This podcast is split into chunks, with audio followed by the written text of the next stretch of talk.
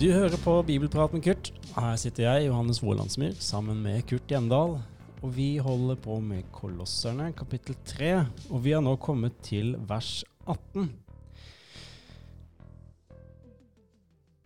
Kurt, vi går eh, rett på her. Og overskriften her handler om hjem og familie. Eh, og i en bibelkommentar så vil du kanskje kunne finne det at de kaller dette for en hustavle. Kan du bare kort si hva, det, hva ligger det i det? Nei, Det er altså en formaning som tar for seg de eh, relasjonelle problemer innadtil i familien, eller den relasjonelle situasjonen, hvordan mann og kone lever sammen, hvordan foreldre og barn, og i datidens verden også eh, herrer og slaver, fordi man i alle frie menn hadde slaver til å gjøre det eh, fysiske arbeid for seg. Så, så Paulus formaner inn i den eh, samtid som han er en del av. og viser hva troen skal bety, også for hverdagslivet i hjemmet. Ikke bare ute i samfunnet i alminnelighet, eller i menigheten, som vi så nå i det forrige avsnitt, men altså også på hjemmebane. Hva betyr det å tro på Jesus i praksis i hjemmet? Mm. Så det her er ikke menighetssammenheng han har på en måte for øye her, men det her er hjemmebane? Det er menighetssammenheng på den måten at hjemmet er en sånn kjernemenighet. ikke sant? Ja. Mm. Et, et, et, atom i den store helheten. Mm. Men, men, også i hjemmet vil det måtte ytre seg at mennesker er kommet til tro. Og gjør det ikke det, så er det noe ravruskende galt. Mm. Så vi, vi, går litt rett på her i vers 18. Dere kvinner, underordner dere ektemennene deres, som det sømmer seg i Herren. Eh, og Da spør jeg litt sånn åpent, Kurt.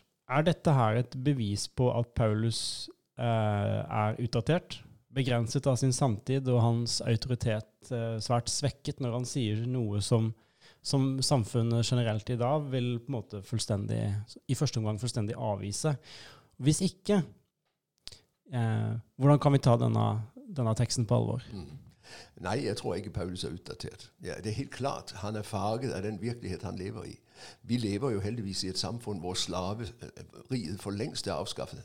Og, og, dermed så er den formaning som handler om herrer og slaver, den er forhåpentlig eh, stort sett uaktuell hos oss. Den er ikke uaktuell alle steder i verden, heller ikke i dag, for slaveri finnes fortsatt. Men, men eh, det som er helt tydelig, det er jo at uh, også i hjemmet vil troen ytre seg. og Derfor det han sier om uh, ektefeller og foreldre og barn, det har fortsatt gyldighet. Mm. Men det spennende, og det har vi jo sett i en stor diskusjon i den siste tid i pressen, dette med underordning. Går det an å hevde sånne ting i dag? Ja, jeg tror det. Men da må du spørre deg selv hva betyr det? For dette er jo talt inn i en kjærlig sammenheng der to ektefeller begge har tatt imot troen og ønsker å leve i gjensidig kjærlighet. Det er ikke snakk om at Paulus dikterer at mannen skal være sjef i huset, og kvinnen har krypet for ham. De som oppfatter underordning sånn, de har misforstått det fullstendig. For Hvis vi bare først stopper opp med selve ordet 'underordne', Mm -hmm. Hva ligger det i det? Nei, Det ligger jo med at det i enhver husholdning vil være en bestemt orden. Altså, ting gjøres, men hvem gjør dem? Og i de aller fleste husholdninger hvor det er flere enn én, så vil det jo være slik at man fordeler oppgaver mellom seg. Øh, vi har vår praktiske øh, oppgavefordeling i vårt hjem. Vi er blitt såpass gamle at vi har ikke barn hjemme lenger. Vi lever to. Men jeg ser jo at ting øh, går veldig greit fordi vi hver tar ansvar for vår del av husholdningen. ikke sant? Og innordner oss i forhold til hverandre, og underordne oss på den måten at det tar du ansvar for, mens jeg tar ansvar for det. ikke sant? Så, så i enhver husholdning så vil det være en orden. Men jeg tror det, du leser feil hvis du leser underordning om det at det betyr at mannen skal være sjefen som tar alle avgjørelser. Det er ikke det Paulus sier. For Det er én ting her i denne eh, debatten eller samtalen rundt det her som jeg opplever veldig ofte blir glemt, og du var så vidt inne på det det er dette med at vi må huske helt fra starten av det Jesus har lært oss om kristent lederskap. Altså For å tenke f.eks. på fotforskingen, eller det, de her versene når Jesus sier at uh, dere vet at stormennene blant dere uh, sant, leder ved å undertrykke. Sånn skal det ikke være blant dere. Helt riktig. Og derfor det er to forutsetninger. Det ene er jo at det å være herre i Det nye testamentet, det er å være tjener. Og det andre er at dette er talt inn i en kjærlighetssammenheng der begge to er opptatt av den andres beste. Når du i dag leser dette ordet løsrevet fra den sammenhengen, så blir det lest ut fra en moderne forståelse av maktkamp mellom mm. flere i et samfunn ikke sant, og i et hjem. Og, og da blir det fullstendig forvrengt. For her er ikke snakk om maktkamp, her er snakk om gjensidig tjeneste. For bare La meg skyte inn der at det var en som, som påpekte det for meg, at uh, samfunnet i dag er på en måte veldig influert av, av det, Karl Marx sin lære om makt at makt er for å undertrykke. Altså Makt og undertrykkelse, to sider av samme sak. Og det har på en måte det moderne samfunnet kjøpt.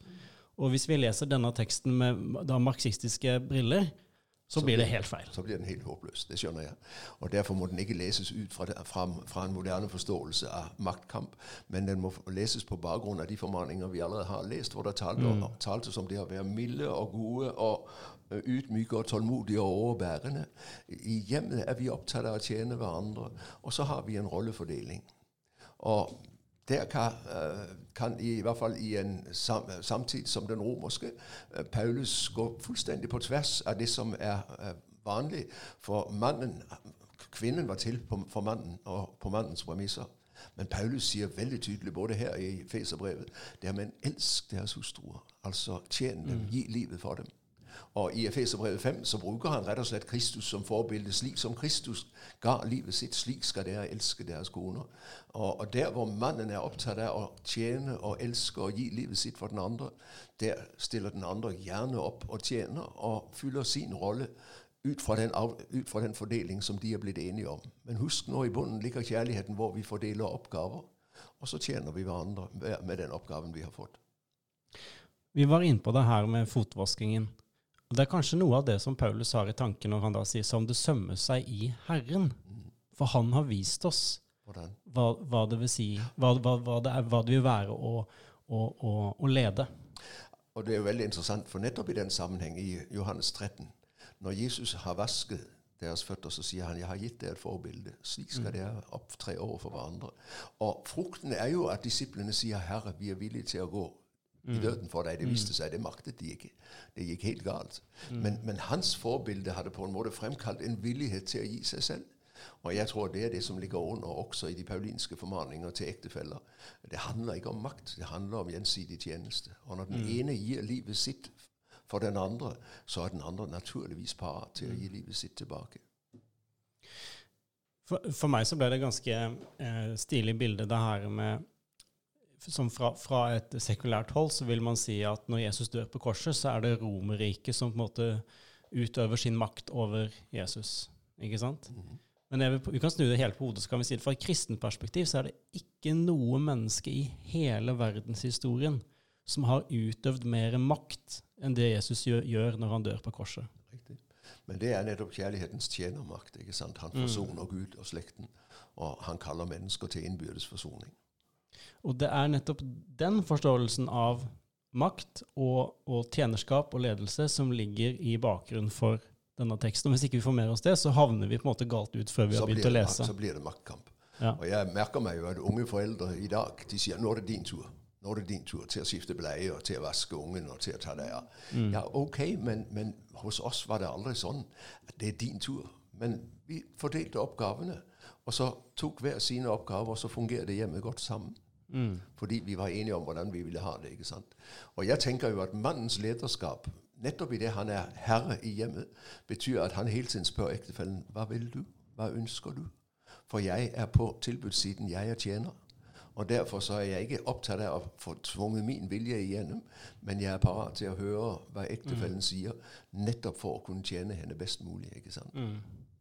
Når, når, Jesus sier til den blinde mannen 'Hva vil du jeg skal gjøre for deg?', ja. så er det ikke fordi Jesus er helt rådvill sjøl.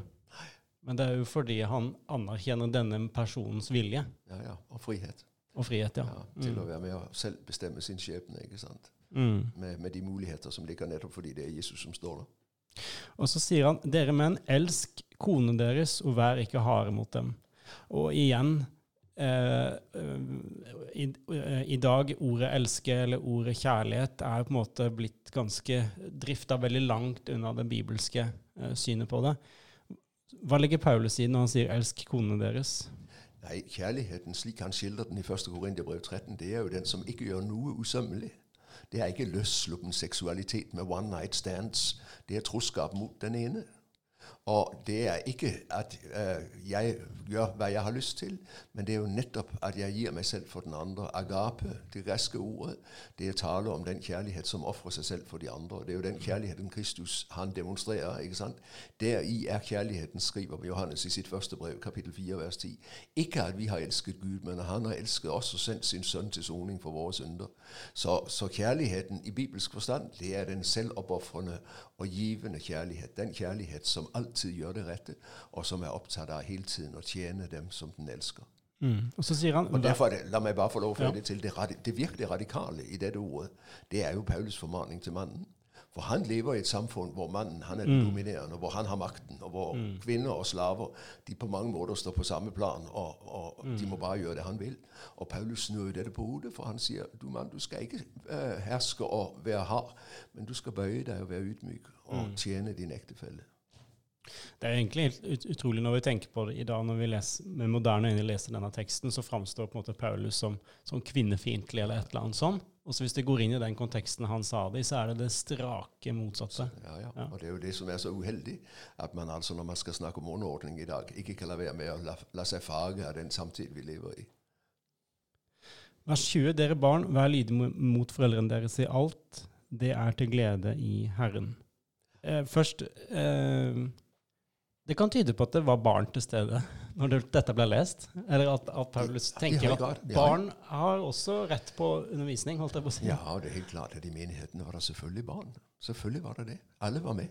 Mm. Eh, Han ble døpt med hele sitt hus, står det om fangevokteren i apostelgjerningene 16. Og i det hus var det naturligvis både barn og kvinner og slaver.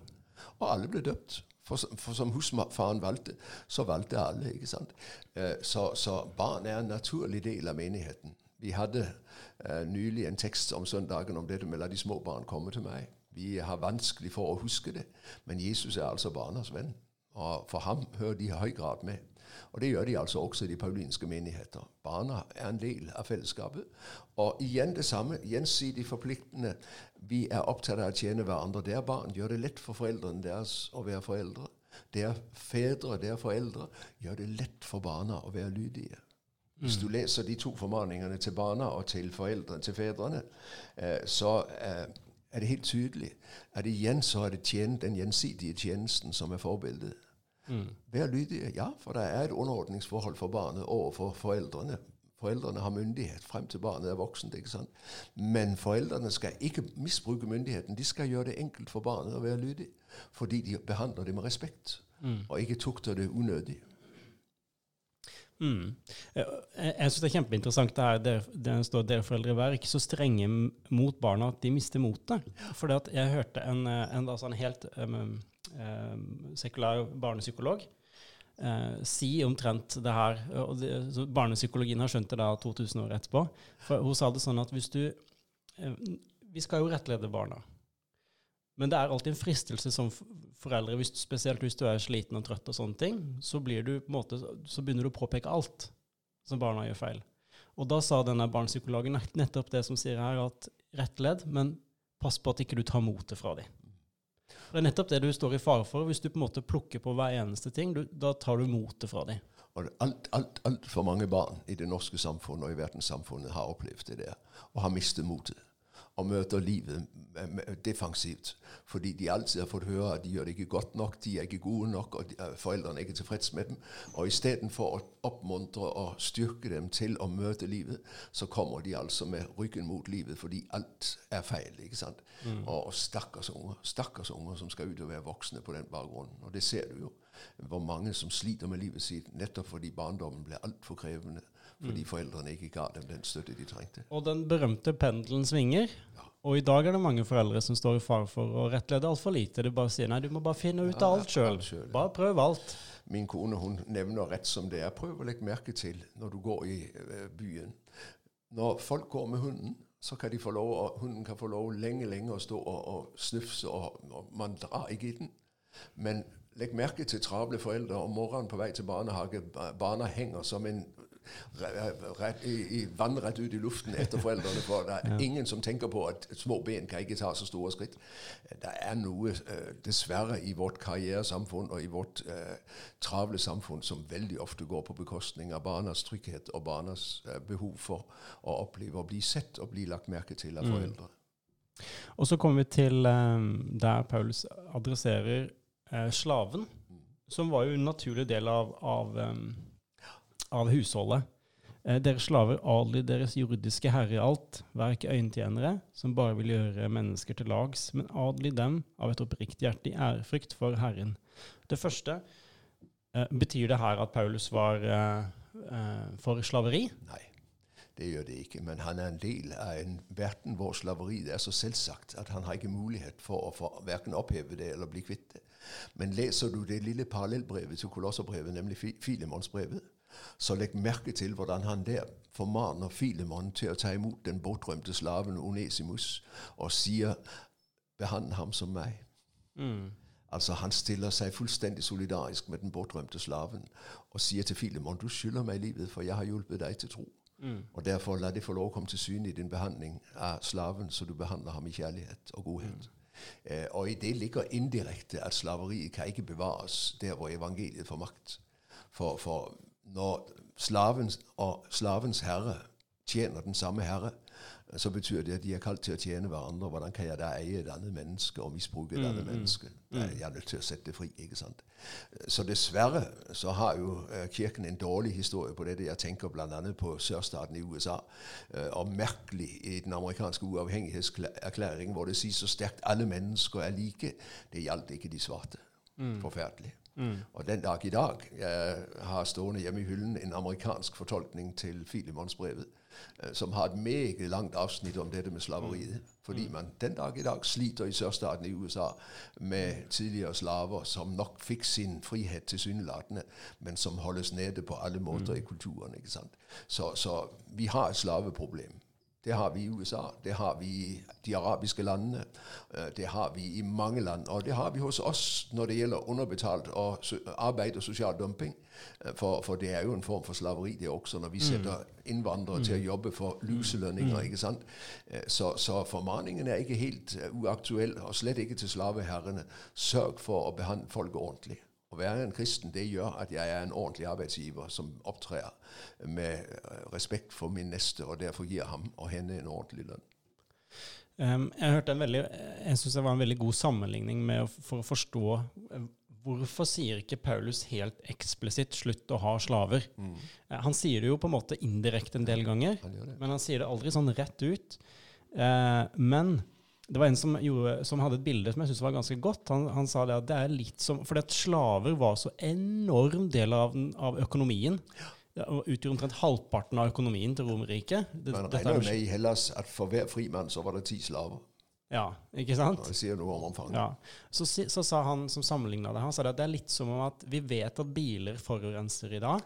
Og vi vet at det inneholder mye eh, tungmetaller og ting som, som fører til gruvearbeid som ikke er bra for verken de som jobber der, eller for samfunnet. Men det er litt som at, at predikantene skulle sagt alle må slutte å kjøre bil.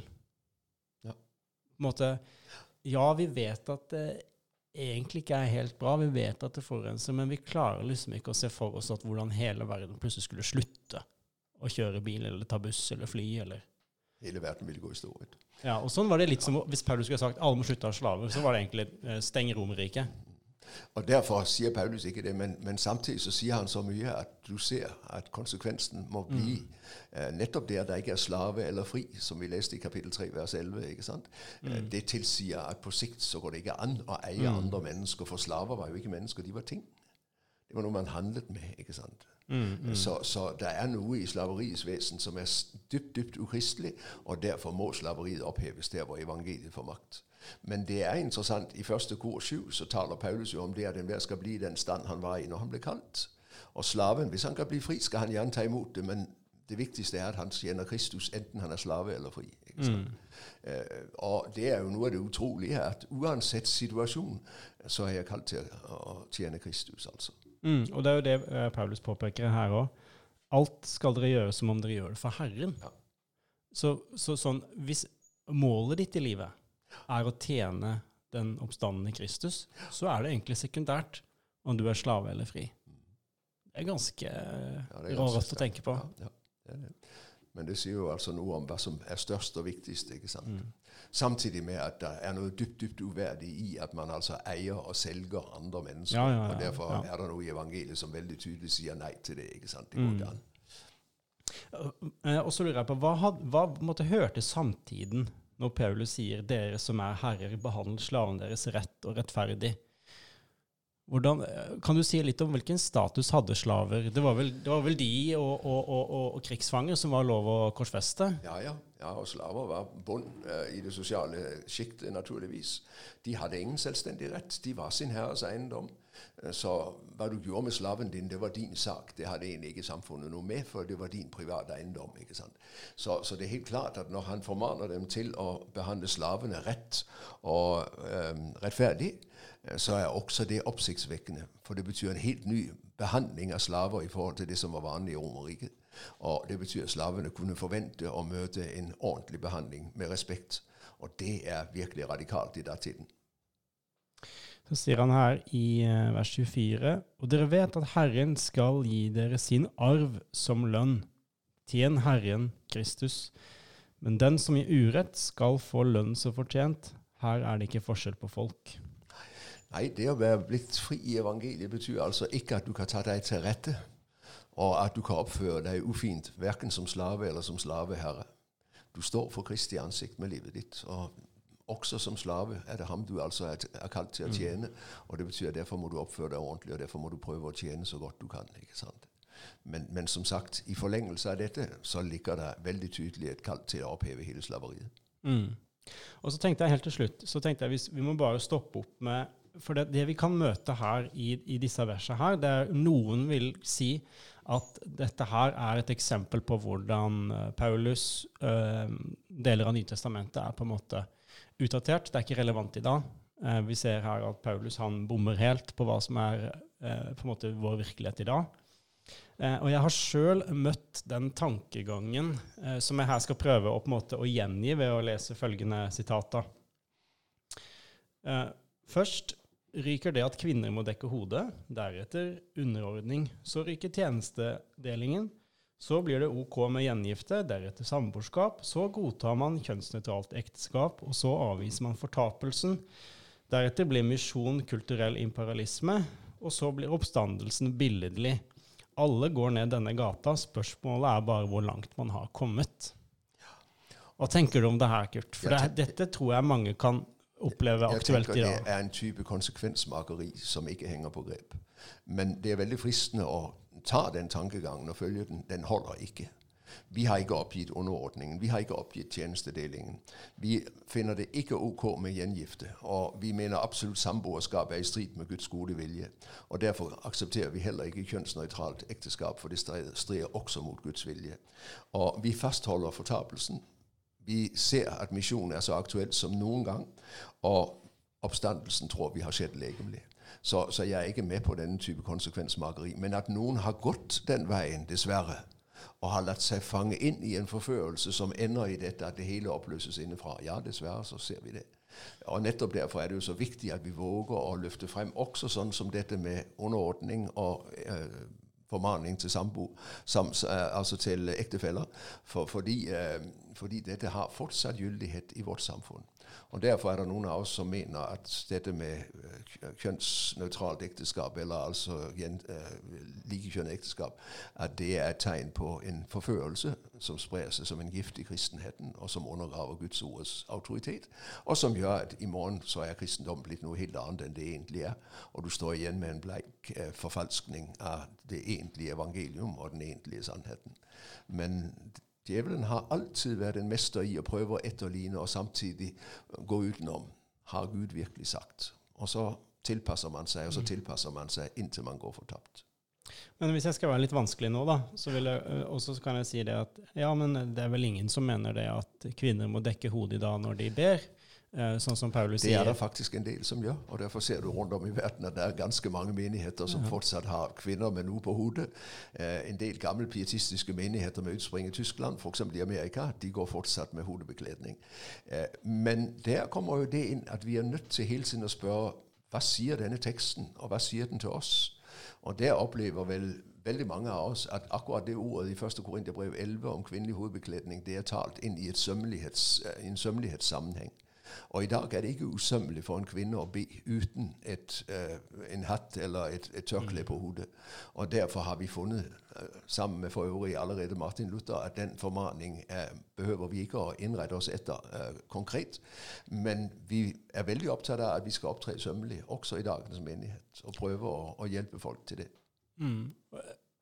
Og der har jo jeg opplevd at noen bruker den samme logikken Ja. og overfører det f.eks. på ekteskapet. Det at i samfunnet i dag Ja. så er det ikke usømmelig at to menn gifter seg med hverandre. Derfor burde Kirken også ikke se på det som usømmelig. Men husk nå at det var jo, det var jo sømmelig i Romerriket, hvor uh, homofilt samliv var svært vanlig. Veldig mange menn hadde koner for å få barn, men, men den egentlige kjærligheten var kjærligheten mellom menn. Det ser du allerede hos uh, Platon og, og i de, hos de gamle greske filosofer. Så, så dette er ikke noe nytt. Og Paulus tar en helt klar front imot det. Og Jesus gjør det samme når han sier ekteskapet er for den ene mann og den ene kvinnen. Så, så det er ikke noe rom i Det nye testamentet for å kunne akseptere likekjønnet ekteskap, så langt jeg er i stand til å lese innenat. Det må jeg bare si.